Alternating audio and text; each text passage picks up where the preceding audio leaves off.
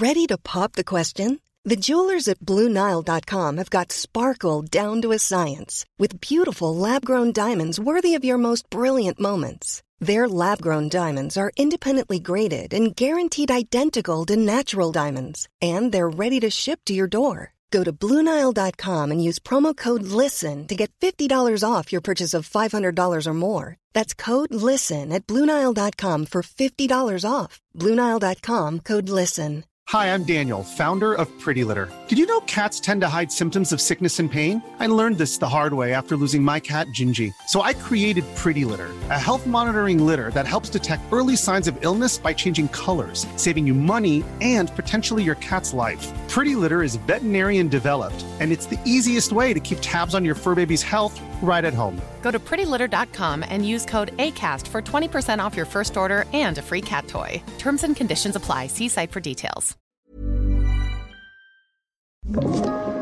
Podplay. Så det var liksom ingen, dina föräldrar pratade väl aldrig med dig om din fantastiska kultur eller vad du kom ifrån? Ja, men vad fan, när jag lägger ut bilder på mig och Mattis när vi är på olika tillställningar, då tittar vi Vadå, också på varandra. vadå, på du sättet. lägger upp bilder på Mattis när han typ har så här grädde i skägget. Den här dubbelpullningen. Just det, just Ja. det. Den, Ja, nej, den gamla inte. Det brukar säga jag känner. Ja, Jag har ju varit med om det.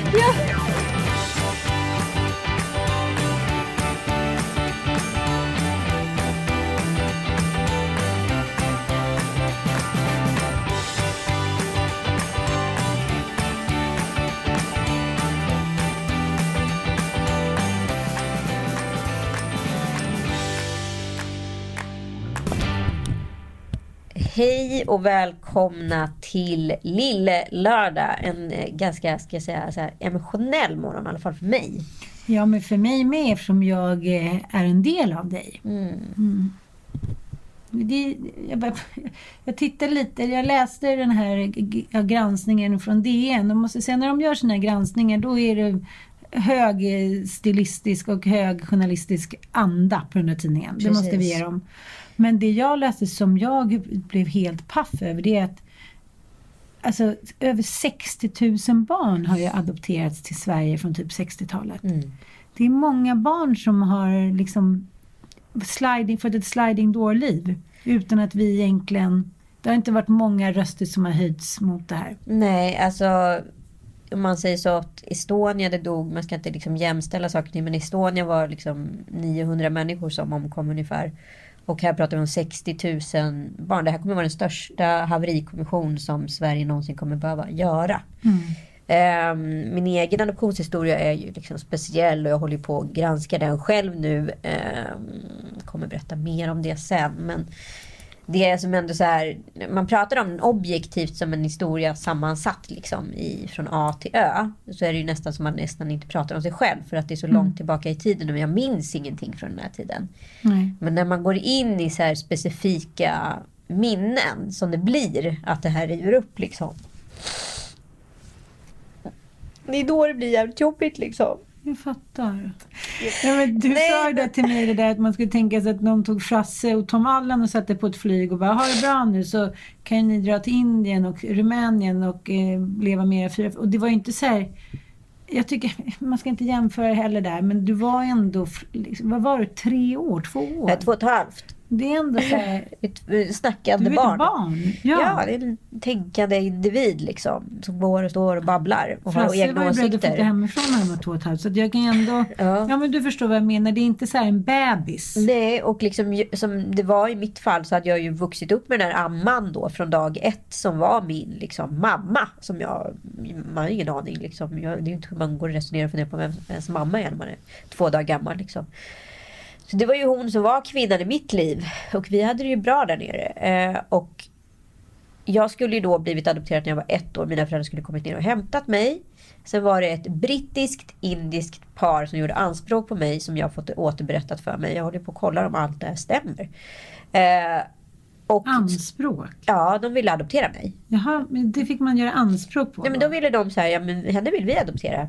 Nej, men hon är redan på väg till Sverige, säger då den här läkaren som på det här sjukhuset då som eh, ja, såg till att jag kom till Sverige.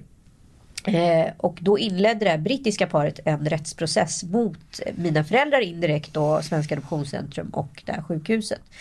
Och som jag förstår det då, när mina föräldrars visum ströp så de fick aldrig komma till Indien på grund av den här rättegången. En vecka innan de skulle komma ner och hämta mig. Så, och den här rättegången pågick då i ett och ett halvt år. Och jag antar att det var då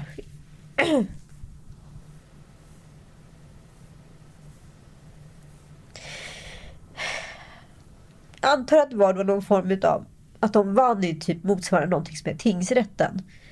Men då Dina var, föräldrar? Ja, eller det här sjukhuset slash mina föräldrar då. Då åkte liksom Svenska Adoptionscentrum ner och hämtade hem mig till Stockholm.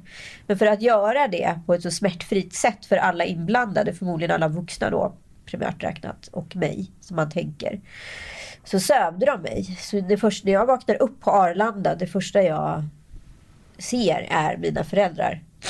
Vadå, vänta nu, hade du inte sett dem i Indien? Nej, de fick ju aldrig komma ner. Så jag blev ju liksom Jaha. utsmugglad ur landet per definition.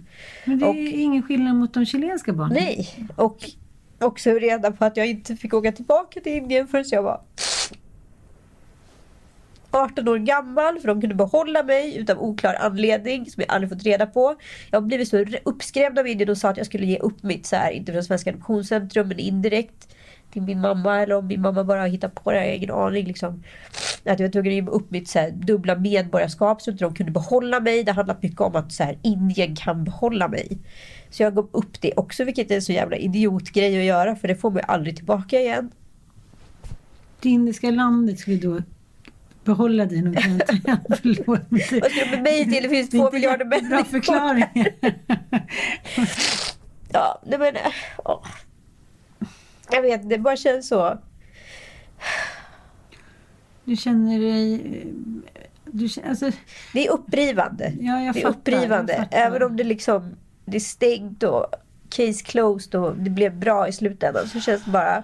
Tänker jag själv att jag skulle skicka iväg Tom Allan eller Penny och bara så här, aldrig mer se dem och bara skicka dem till ett land helt vind för våg. Ett språk som de inte kan alltså, prata. Jag var ju trauma i tre månader när jag kom. Som tur var kommer jag inte ihåg någonting av det här medvetet i alla fall. Sen kanske det gör sig påmint på andra sätt. Men liksom, jag sov ju inte på tre månader för jag var så rädd att bli bortförd på natten. Liksom. Eh, du, du, kan, du, kan ändå minnas den känslan? Ja, jag kan absolut kan få så här panikångest och ha sömnproblem. Liksom. Eh, och det är absolut garanterat kopplat till det. Liksom. Alltså det är så liksom mycket, så mycket som är avklarat och uppklarat men inte liksom Ingen vuxen som har bett om ursäkt eller förklarat för mig varför eller sådana saker. Liksom. Man skulle så gärna vilja... Jag har ju fått liksom, ta hand om mig själv och de här känslorna hela livet. Det är aldrig någon som har förklarat eller förstått. Och till och med som det såg ut som på 60-talet eller 70-talet när jag var liten och kom. Då kom ju liksom SOS hem till oss och kollade så att jag hade anpassat mig till Sverige istället för att ens kolla ens föräldrar om de så här tog hand om en bra. Alltså, mm. Det var ju så snedvridet och bakvänt. Liksom. Att, att man la så mycket på barn på den tiden, det är så mm. konstigt. Och det är mycket så jag vuxit upp. Jag har ju liksom alltid tagit hand om mig själv på något sätt och lärt mig själv att leva. Det har aldrig funnits någon där som har backat. Liksom. Jag kan känna mig så jävla ensam när jag tänker på det. Och det är väl det som är, som är så tungt. Men känner du också att om, om du kan se med en röd tråd i ditt liv så beror det här mycket på obearbetade känslor, att du inte har fått någon backning och då på det sättet känner att jag får klara mig själv. Ja, hundra procent. Alltså, så blir det ju. känsla. Ja, det blir ju så. Och liksom, min historia har ju ingen början. Det är det. Den är ju oskriven. Jag vet ju ingenting. Och jag tror liksom många som är adopterade känner precis som jag. Att man så här inte vet. Och det man har fått förklarat har ju varit en förklaring gott nog. Och det kan ju vara ganska skönt att leva med det. Men när, när det här rivs upp då och man förstår att det kanske inte exakt har gått till så legalt och så fint ordnat från Sverige, trygga landet och perfektion och solidaritet och allt vad det innefattar i det. att det kanske har varit ganska rått och kallt. Mm. Då gör det jävligt ont. Nu har ju då Lena Hallengren från regeringen sagt att de, ja, de är öppna för en utredning då. Eh, och eh, Svenska Adoptionscentrum då uppger att de har granskat all dokumentation från de chilenska adoptionerna och inte kan se Eh, att ett, eh, några fel har begåtts. Nej, det, det kanske handlar om man väljer vad man vill se. Och eh, Lena Hallengren då från regeringen hon har nu öppnat då inför en, ja det är ju så här att det verkar inte finnas några tveksamheter kring om att då de här identiteterna har blivit stulna. Det finns massa förfalskade papper och identiteter. Och det här är såklart, eh, jag menar alltså det är tusentals fall som är misstänkta av illegala adoptioner från Chile. Det är lite som eh, den här kända då skådespelaren nu som eh, har blivit anmäld av sin, sin exfru att så här, folk ska låtsas om att de inte vet. Men jag tänker så här, tusentals illegala adoptioner har eh, gått igenom från 60-talet fram till nu. Och jag tänker så här, ingen rök utan eld. Som att det är ingen någonsin som har misstänkt någonting. Det är ju bara bullshit. Ja, plus att det finns också Det finns ju också en så konstig, märklig rasism mellan raderna i det här. liksom att så här, det här har inte varit tillräckligt viktigt. Eh, och man har hela tiden också varit uthängd som en grupp som är adopterad. Liksom, ah, de mår inget bra, och det mår inget bra och de är adopterade. Och mår... Vi mår ju inte dåligt på grund utav för att vi är adopterade. För det blir, man har skapat liksom ett dom om oss. Vi mår ju dåligt utav saker som har gjorts i Sverige. Och på de besluten, vi har ju inte velat komma till Sverige. Vi har liksom blivit hitlockade utav svenskar utav olika orsaker för att man inte har fått kunna få barn. Men man har inte tagit om hand om det beslutet och det är det som gör så jävla ont. Att så här, det har liksom lagts på oss på något sätt. Att vi är en utsatt grupp. Men det är ju ni som har utsatt oss. Alltså, och det är jävla stor skillnad i resonemang här. Men jag tänker också, jag vill inte klanka på din, din salig far och din eh, senil mor. Men det handlar ju också om en så här känslomässig mogenhet och en kanske utbildningsgrad som gör att man kan ta till sig att man adopterar ett barn och då har ett ansvar.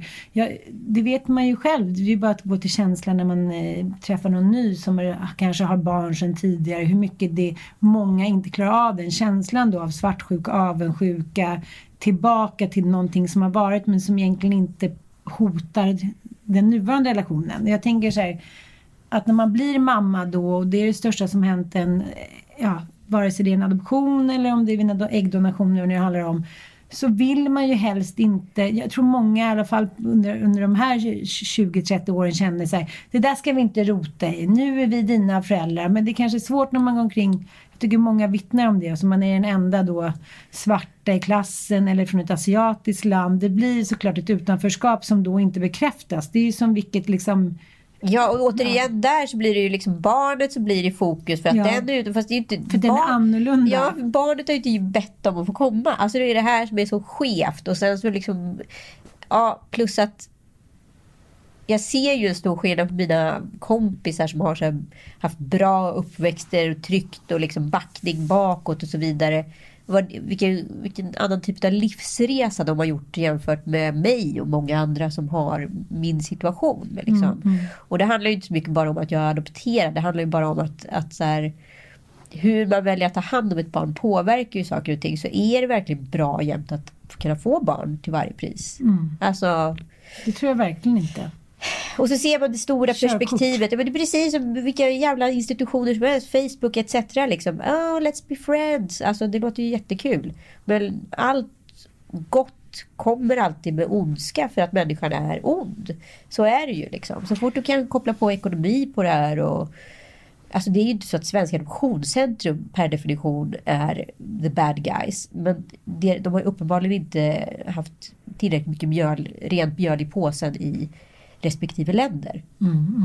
Och sen har de fått varit med att ta liksom, drastiska beslut som säkert med min adoption där att forsla ut mig ur landet. För det är lättast nu. Hit, nu har vi en lucka, nu gör vi det. Och då ser man ju till föräldrarnas bästa. Men ser man till barnets bästa? Det undrar jag. Men så här, du men, det blir som en eh, legal smuggling. Ja. Men det, men det, Whitewashing. Jo, jag liksom. vet. Fast det är ändå så här, fan, det, det är precis på samma sätt som, de, som ja, det, det snackas om nu då att man söver hundvalpar och små kattungar och lägger i bildäck och det för att det är så jävla efterfrågan på hundar nu under pandemin. Alltså jag ser ingen skillnad. Ni har inte behandlats med respekt för att vara barn och människor. Nej. Det är väl det det handlar om? Ja, och sen så tror jag också så här att om man nu hänger som västerlänning i eh, Indien på 70-talet och ser jävligt mycket tragedi där så tänker man nog också att man så gör en välgärning. Man räddar ju de facto ett barn utifrån sina mått mätt. Men man Eh, tänker ändå jävligt vitt. Förstår ja, vad jag menar? Och det är så här, exakt. ja men de har så många, förlåt, men de har så många ungar där som ingen vill ha. Så det, vi gör en god gärning. Men man har aldrig ställt sig frågan så här, vad fan är en god gärning? För att människan har sånt otroligt problem att sätta sig in i tvärtom, eh, ja men i, i motsatt riktning då. Så är det ju i vilken relation som helst. Men så här, det är du som har gjort fel, det hit ja, precis. Sånt litet bråk. Det är svårt att sätta sig in i en andra perspektivet. Liksom. Ja. Särskilt när man drivs av, vilket vi båda vet, hur man kan drivas av en barnlängtan. Det Ja. finns ju ingen starkare nästan drift, det är ju sexualdriften och längtan efter barndriften. Jag förstår att man kan förtränga saker, så att jag till, till det här, de här människornas försvar. Att man liksom kanske inte då har uppfostrat eller tagit ansvar för det här barnet som har kommit. Dels har man kanske inte tänkt så att det blir en kulturkrock. Du sa det ju väldigt intressant där att de kommer hem från SOS. Har hon anpassat sig efter svenska normer? Hon heter väl inte nanbrödling? Hon heter väl limpa? Nej, men det var... inte vill ha pikolin på Älskogaholms. Ja, men det var... Tikaka. Så det var liksom ingen, dina föräldrar pratade väl aldrig med dig om din fantastiska kultur eller var du kom ifrån? Nej, men framförallt så har ju liksom också Indien målats upp alltså under min uppväxt som någon form av farlig plats att vara på. Eftersom så här, jag kunde bli tillfångatagen i princip där borta. Liksom. Eh, Så att så här, första gången jag var i Indien var jag 25 tror jag. 25 eller 26. Alltså, så- ja, nej, jag vet inte. Det är, ja, men det är ju en så jävla viktig granskning. Och samtidigt så gör det så fruktansvärt ont. Ja, jag vet inte vad jag ska säga mer. Nej, men, men det, det är sorgligt att det har tagit så lång tid innan det på något sätt har blivit upptäckt eller det har liksom gömts undan så mycket annat. Eh, Jag tänker också att den svenska välfärden har ställt krokben för många av de här frågorna just för att man ska vara glad att man får bo i socialistiska Sverige. 58 år av Per Hansson politik och liksom barnkrubbor och Myrdalsparet och hit och dit. Men det här har ju varit människor som har drivits av jävligt mycket makt och liksom eh, narcissism. Så att, eh, Ja, det men är så all- när man får mycket makt. Adoptionscentrum har ju haft väldigt, väldigt mycket makt. Ja, de har ju jobbat direkt under UD. Så att det har ju varit liksom, det, har ju, det är ju så här, det är det som är brottet. Det har ju liksom whitewashats genom regeringen, högsta ort. Det är ju det. De här besluten ligger på väldigt hög nivå. Usch, Okej, fortsättning följer. ja, det gör det definitivt.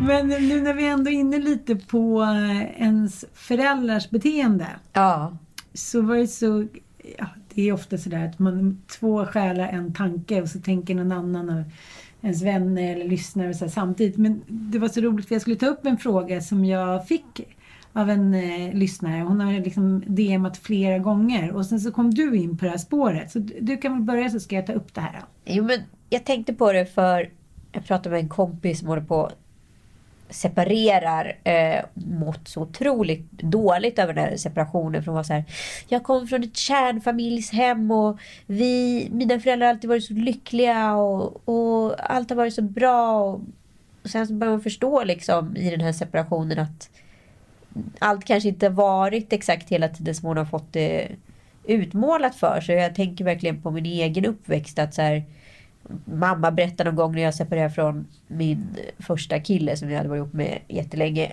Att hon och pappa hade separerat efter bröllopet och han hade haft någon affär. Ja men du vet, saker som jag bara såhär, va? Du vet, va? Helt knockad av stolen. För man har ju liksom sett sina föräldrar som någon form av utopi när det har kommit till relationer. De har liksom tagit igenom vått och torrt och stått bakom varandra. Och jag tror det största brottet ens föräldrar gör på något sätt mot den är ju just att säga att en relation är lätt. Att mamma och pappa alltid har varit alltså, vansinnigt förälskade i varandra. Att de aldrig haft eh, ups and downs och gett illusionen av den perfekta relationen. Det är i skuggan utav den vi växer upp och alltid känner oss usla. Som både partners och par etc. För man bara så här, våra föräldrar skulle ha klarat det här, men vi klarar inte det här. Mamma var ju inte så. Nej. Jag försöker ju Ja, tänka att ja. jag inte ska säga till Penny och Mallan att, att, det, att det är en fara med skilsmässa, att det är till och med bra. Att det finns mm. alltså så förklara att så här, ibland så blir det inte som man har tänkt sig. Nej men den där tampas jag ju fortfarande med. Det är ju fortfarande, även fast killarna är 14, 16, 18, mina stora killar, så kommer det ibland anklagelser. Varför höll ni inte ihop och det skulle varit bättre? Och jag vill inte dra några paralleller till adoptionsfrågan men det är väldigt svårt att så här, säga emot att de skulle haft det bättre i, en, i vår ursprungsfamilj. Det, det hade de, och det är som barn är, man kan ta mycket innan man säger så här, det är nog bra om min mamma och pappa skiljer sig. Det är vissa kompisar som säger så här, det var så skönt nu när de separerade. Jag bara, va? För tanken på att mina föräldrar skulle separera, även fast det inte heller utåt sett alltid var frid och fröjd, utan ja, det var ju liksom lite dyst då och då, så var det ändå så här, hellre dödens död än Ja. att de skulle separera. Och mamma sa ju alltid, jag kämpade väldigt mycket när, när ni var små. Hon ser inte så jätteglad ut på bilderna liksom. Nej. Ja, men, eh, Ja, men min mamma som sa att hon tappade aptiten under 70-talet. Man bara, ursäkta du var superanorektisk och var djupt deprimerad för att du var barnlös. Och pappa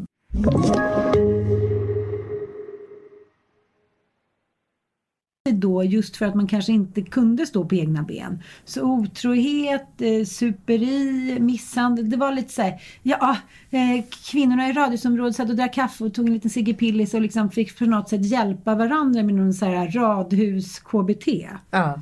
Så att, eh, så att mamma var väl ändå ganska öppen med både det ena och det andra. Men det var också väldigt tydligt att pappa var en bebis, en mansbebis. Liksom redan från början. Och det var inget annat, även fast vi älskade honom, tyckte om honom och beundrade honom så var det ändå ganska tydligt att han hade sina brister. Men en av våra lyssnare då har skickat en, eh, en tre sekunders glimt från eh, Matthew McConaughey's Nej, Matthew McConaughey. Förlåt. Har skickat någon glimt från Matthew McConaugheys fru då. Camilla. När de är då och kollat på en sockermatch och hon skriver så här. En sock, inte en sockermatch utan äh, fotbollsmatch. Soccer. Ja, men, ja, men, det var säkert lite sockervadd också. Ja, men de, är så, de är så heta när de går där på fotbollsplan. De har varsin rock. Hon har lite cowboy Texas hatt. Och så skriver hon så här. eh, this Brazilian turned this Texas uh, into soccer lover. Typ. Så jag visste att han skulle så här, gilla det här. De tittar på varandra och man känner så här, men för fan det här paret alltså. De har sån respekt för varandra, de gör allt för varandra. De ligger, alltså, man läser på tre sekunder Ja, ja, ja. läser man in ett liv Blicken. Precis. Blicken utav allt. Blicken. Ja. Lite som jag också blir besatt av Harry och Meghan. Hela tiden ska de visa den här blicken på varandra. Ja, men vad fan, när jag lägger ut bilder på mig och Mattis när vi är på olika tillställningar, då tittar vi Vadå, också på varandra. vadå, på du sättet. lägger upp bilder på Mattis när han typ har så här grädde i skägget, när han precis är Ja, det är nyvaken, då när han så är här, mitt i en blink. Det är då jag känner så. Det är du bara så här, man bara så här, åh vill mörda honom varenda bild hon lägger ut. Nej, jag skickade ju en fin bild Ja, till dig i morse. du. Ja, hur som helst, då skickade Men det hon... bästa var ju ändå vår diskussion i helgen. När vi så ligger och DMar varandra och så bara, vad gör du, vad gör du? Så ligger vi på varsin soffa. Och jag skickar typ en bild på Joel som ligger och sover i en soffa. Och sen så skickar du en bild på Mattias som sitter och äter typ snett emot dig när du ligger och chillat in i soffan. Och sen så nästa bild du skickar, du ligger helt plötsligt inne i sovrummet och bara flyttar på dig. Orkar du, står du inte ut med hans maskande längre så tvungen att lämna rummet. Ja, det är så. då skickar hon en bild på de två, hon och hennes man då, så många år tillbaka. Där de faktiskt, ja men de ser ju lika heta och lyckliga ut som eh, Matthew och Camilla. Ja. Men det, det är så här, man bara va? Jävlar vad de verkar ha en bra relation. Och då skrev här, kolla oss på de här bilderna. Vi hade det så jävla dåligt då. Men det var min födelsedag och det var lite champagne och liksom. Just det här med att det är en procent av verkligheten som då dagens liksom, ungdomar eh, ser på Insta. Och varför skulle de inte tro på det? Precis som du trodde på dina föräldrar. Ja, Det är tidens liksom, det är tidens spegel som man tittar in i. Ja, alltså verkligen. Och jag tänkte så mycket på det när det kom till Kim och Kanye. Som nu då separerar efter, vad var det, sex år. Men jag tänkte på att det är ju en mellan, kan man säga mellanlång relation. Ganska kort äktenskap, men en mellanlång relation. Eh, men i och med att man har växt och levt med den alla de där dagarna under de där nio åren så har de ju liksom, det känns ju som att man varit ihop i evigheter. Man har varit ihop i ett decennium då utav ens liv. Eh, och då tänker man då att så mycket som de har varit med om på de här tio åren, sen är det klart att de är extra utsatta eftersom de är superkändisar och, eh, och supernovor på varsitt håll. Men så mycket som händer i en vanlig människas liv som man inte vet, som har varit ihop i 30 år, 40 år, 50 år. De säger ju att de första 30 åren är alltid slitsamma, sen är det bara walk in the park och då har man ju några kvar. Men mellan 90 och 100, då är det kanoners. Då är det toppen. Då är det toppen. Nej, men jag fattar. Men, men det som händer just med den där glimpsen, resten är ju liksom geggamoja och slit och tjafs och så här, försöka, försöka, försöka, försöka liksom. Eh, men det finns ju också en stor sorg i att inte lyckas. Jag förstår att man så här, folk, jag menar, det, det, det, ibland kan det vara den här kritiska så här, kommentaren. Så här, Fattar inte varför de håller ihop efter alla år. Ja, men man kanske tycker att det är ändå bättre än alternativet Ja, det, det, liksom, man måste också samsas med den tanken.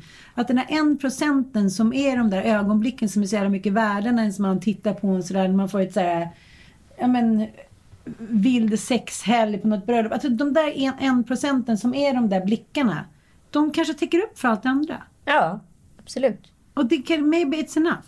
Ja, kan vara så. Vi verkar känna så. Ja, uppenbarligen. Nej, men jag, jag vet inte. Jag bara så här, jag känner mig otroligt kär i min sambo just nu. Så att jag tycker han är fa- fantastisk. Jag får få bytt spiral. Har du bytt spiral? Har du tagit ut Jag har spiralen? bytt spiral. Till en lite sämre? till- Nej gud, jag bara blev med barn. 0,0000. Men vadå, vad, du satte ju precis in en spiral. Nej, men jag satte in en spiral, den var alldeles för stark. Jag blev knäpp i huvudet. Och så satte jag in den, den som jag hade förr. Och nu, nu är jag så kär i honom igen, så nu vet jag inte vad som händer. Ah, men gud, jag hade en kompis som hade käkat p-piller i 20 år och typ, nej men såhär, gillade inte sex, alltså var aldrig särskilt glad liksom. Nej. Hon bara en vecka efter hon slutade med de här p-pillerna, hon bara, himlen är blå, jag vill knulla. Alltså hon Ja, sa det är som att alla färger har blivit skruvats upp. Hon hade liksom också fått, blivit lurad på så stor del av sitt liv utan Ja. att veta om det. Det är så sjukt va? Nu var jag kanske rasistisk som jämförde ett p-piller med din eh, Spiral. Med din spiral. Nej, det är din samma. barndom. Men... Eh, Din skada. vardagsrasism. Herregud. Den är svår tycker jag, vardagsrasismen. Jag Ja. försöker tänka på den Slinker in i den då och så då. mycket jag kan. Men eh, det är just den där tanken på att den vita liksom övermänniskan då som man alltid har sett på sig själv. Alltså ser på Ja, men som det här med adoption, att det har ju varit en, ja, ja, men vi gör en god gärning. Allting som vi vita gör för mänskligheten är tydligen en god gärning och jag spyr på det. Ja, gud. Ja, men det, är, ju- det är hela tiden det där superior. Det är därför rasism aldrig kan gå åt andra hållet, vilket många försöker förklara då. Men det går inte för att den vite mannen, kvinnan, erövraren har då antagit sig massa olika kontinenter och länder med mindre bemedlade människor. Sabbat högkulturer för man har haft möjligheten att ha krut i sina vapen istället för en pil, gift på en pil. Liksom. Eh, och sen så kommer man in och så tittar man på de här länderna objektivt och säger man så här, ja men så här ska vi göra. Så här kommer man bli glad. Man har hela tiden värderat världen utifrån ett västerländskt perspektiv.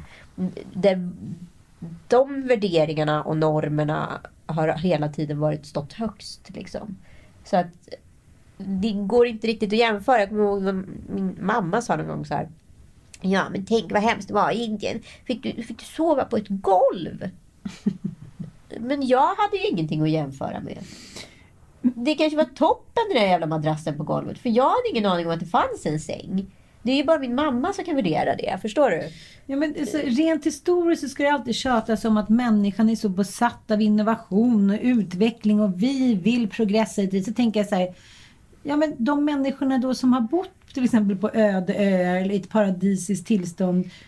De har inte haft ett enda jävla uns av behov av att någon form av utveckling eller liknande. Om, jag menar, om människan har mat, kärlek, en harmonisk miljö. Då är ju människan nöjd. Jag menar, kolla till exempel den stora utvandringen. Det är inte så att 90% av alla smålänningar skulle ha typ emigrerat från sitt älskade Småland om det inte var så att 90 eh, av 100 potatisar visade sig vara stenar. Ja. Så det blir liksom människan, jag tycker så här, människan framställs som ett sånt jävla högproduktivt djur. Men på grund av att man vill ju överleva såklart. Men om man redan överlever, är du med mig? Ja. Jag tittade ju på Melodifestivalen för första gången i lördags. Ja, jag har ju sett alla. Ja, Ja. Det, det är alltid roligt på något sätt. Även om det känns som så här 70-talsproduktion. Men jag måste ändå säga att de har gjort det så jävla bra med det här omtänket på grund av att de inte har publik. Jag tycker det är ändå ett fullt fungerande, starkt underhållningsprogram. Ja, Sen så tycker jag att den här deltävlingen som var nu var den absolut svagaste. Men eh, liksom, underhållningsvärdet är ändå enormt. Nästa vecka är det Pernilla Wahl- Wahlgren och Per Andersson. Det kan ju liksom inte gå fel. Leif och Billy. Ja, det var också någonting som jag nu blev indragen i. Och sen såg jag också första avsnittet efteråt. Mm. Med Leif och Billy.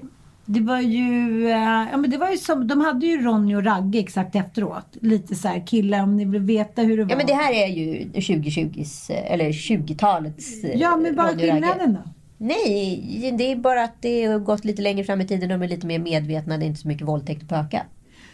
Nej men det är ju ändå, nu ska vi ner och liksom hitta kussimurra och knullarulla och Ja, ja, liksom, absolut. Jo. vad- ja, Nej, det är När de ingen inte skillnad. använder då ordet våldtäkt, då kan man liksom ro hem vad som helst, komma undan vad som helst. Ja, jag, ty- jag tycker de har fyller en funktion. Ungarna tycker tydligen att de här är superkreddiga, jättecoola, roliga. Men precis som vi gjorde med Ronny och Ragge. Det var väl inte så att det var några liksom, 30-40-plussare som gick runt och tyckte att Ronny och Ragge var coola. Det var väl ändå kidsen. Jo men älskling, vet du, jag tycker att det här är mycket farligt. Ron och Ragge framställs som att de hade IQ3 och de, de slogs med varandra, de hjärncellerna. De här killarna ska ju ändå på något sätt framstå som så här, Norrlands framtid. Nej, nu får du, nu får du sluta. Nej, fast du kan inte jämföra Ron och liksom. Du måste lyssna lite Ja. på Ron och Ragge här nu. Ska du med och köra 90 på 50-väg fan? Det låter underbart. Men jag jobbar. Leif och... Alltså lyssna lite på Leif och Billy. Talking to me? Well, fuck off. You fucking run around here for 40 years, you haven't looked at me once, but now you want it? It's too late. I'm telling you, it's too late. You can fuck off, bitches! Yeah, two ladies at the same time. Okej, vad är skillnaden då? Han här, ska pöka på henne och har köpt någon bil för att så här, ragga upp henne. Nu ska han iväg och knulla och hon ska sitta. Han gör så här, den här dubbelpullningen. Just det, just Ja. det. Den, Ja, nej, den gamla inte. Det brukar i och för sig jag köra. Ja, jag har ju varit med om den. Ja, Nej, jag har varit med om den. berätta. Nej, jag måste berätta om Anekdoten är anekdoten. Ja. Kan vi få lite supererotisk bakgrundsmusik, Manko? Det är Sypen, jag och eh, två av mina bästa tjejkompisar är med Klubb 33. Vi är 16, man, fick ju, man var tvungen att vara 18 men det verkar inte vara någon som kollade. Vi bokade på. Och två veckor då i ett liksom skräckalkoholparadis. Ja, men du fattar, så Ja. två veckors av tequila i plastkoppar. ja, och alla tjejer blir mer eller mindre våldtagna på snusen utan att de vet om det. För de är fulla och- komma ihåg. Ja, och uppträdande. Men det var så ofräscht. Alla låg med alla och det var så mycket könssjukdomar. Det var så deprimerande. Det enda som jag minns som är positivt var att jag såg ett par där som var där på bröllopsresa på Klubb 33. Mm. Och jag bara hela tiden kände så här. Gud vad romantiskt. Don't go there, don't go there. De sa inte ett ord till varandra på två veckor. Jag undrar varför. Ja, ja, undrar varför. Hur som helst. Då ligger eh, jag och min kompis i samma säng som en utav reseledarna. För det här var också innan metoo och då fick man ju också, det spelar ingen roll om man knullade alla. Det var ju det man skulle göra som reseledare. Ja, Ja, så Lill-Nicke. Ja, Lill-Nicke. Ja, Lill-Nicke. Ja, han var med och vi hade då, det var tequila race vid poolen. Okej, och sen så ligger jag och hånglar med honom och så hör jag bara liksom jag får vibben av att han liksom ligger som på Lidde Parad och jobbar vänstern och han har alltså dubbelhandsfattning. i- I varsin mutta. Ja, precis som Billy. Är det Billy han heter den stora? Eh, Leif är det stora. Leif. Ja.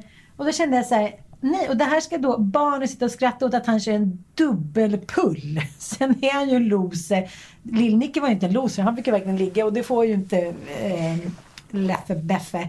Men det, Nej men okej, är det det som är det försonande draget med, med Ronny och Ragge? Att de båda var losers? Ja. Är, men båda är ju egentligen losers här också. Men det är mycket mer rumsrent. Ja men, det är intressant om man typ tar ett 600 varv år till. senare. Ja men om man, intressant om man tar ett varv till. Så att, vad, vad är okej egentligen? tillbaka till Mello och Tusse. Ja, tillbaka till Mello. Ursäkta den lilla passagen. Ja, så är det när man lyssnar på Lilla.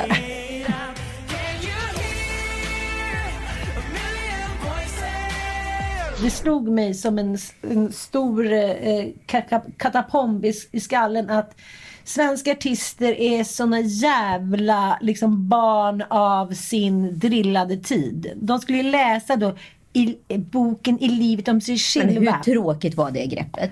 Nej, men alltså, det var, dels var det tråkigaste greppet som någon, någon, att, att det ens fick komma från manusidé-stadiet. Plus att alla var ju födda också så här 2002. Ja.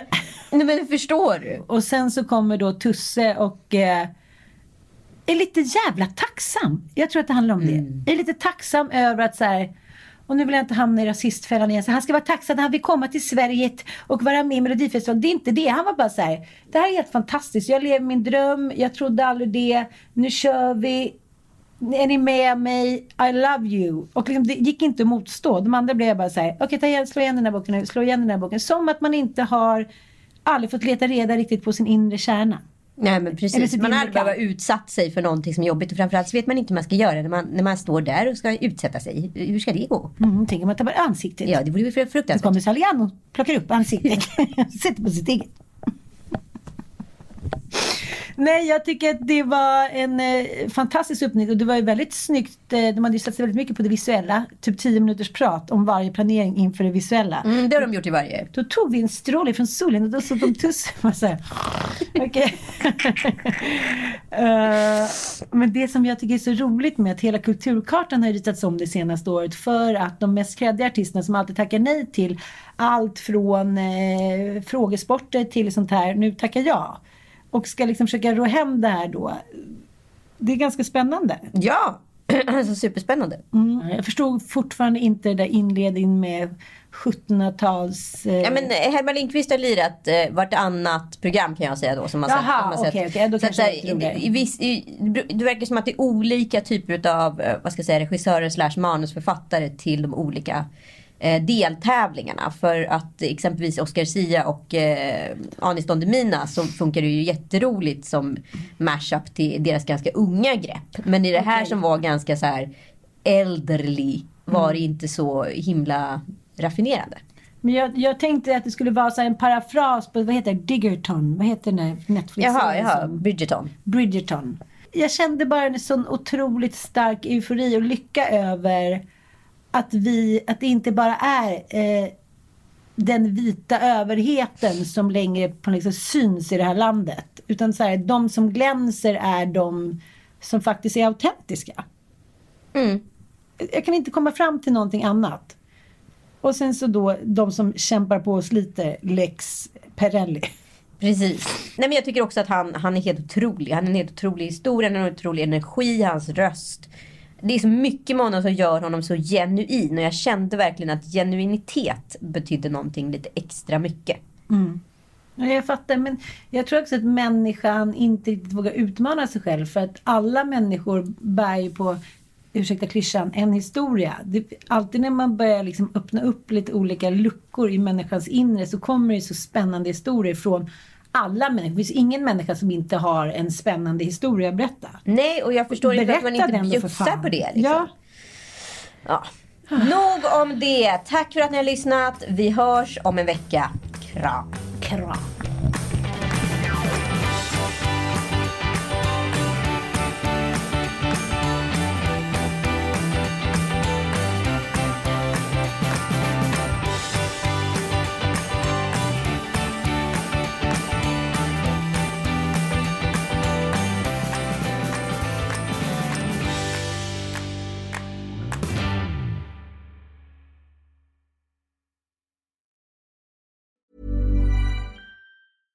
Flexibility is great. That's why there's yoga. Flexibility for your insurance coverage is great too. That's why there's United Healthcare Insurance Plans.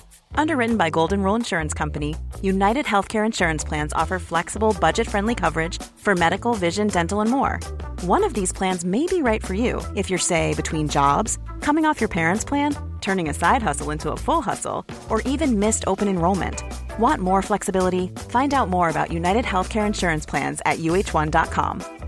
Imagine the softest sheets you've ever felt. Now imagine them getting even softer over time. That's what you'll feel with Bowl and Branch's organic cotton sheets. In a recent customer survey, 96% replied that Bowl and Branch sheets get softer with every wash. Start getting your best night's sleep in these sheets that get softer and softer for years to come. Try their sheets with a 30-night guarantee. Plus, get 15% off your first order at bowlandbranch.com. Code BUTTERY. Exclusions apply. See site for details.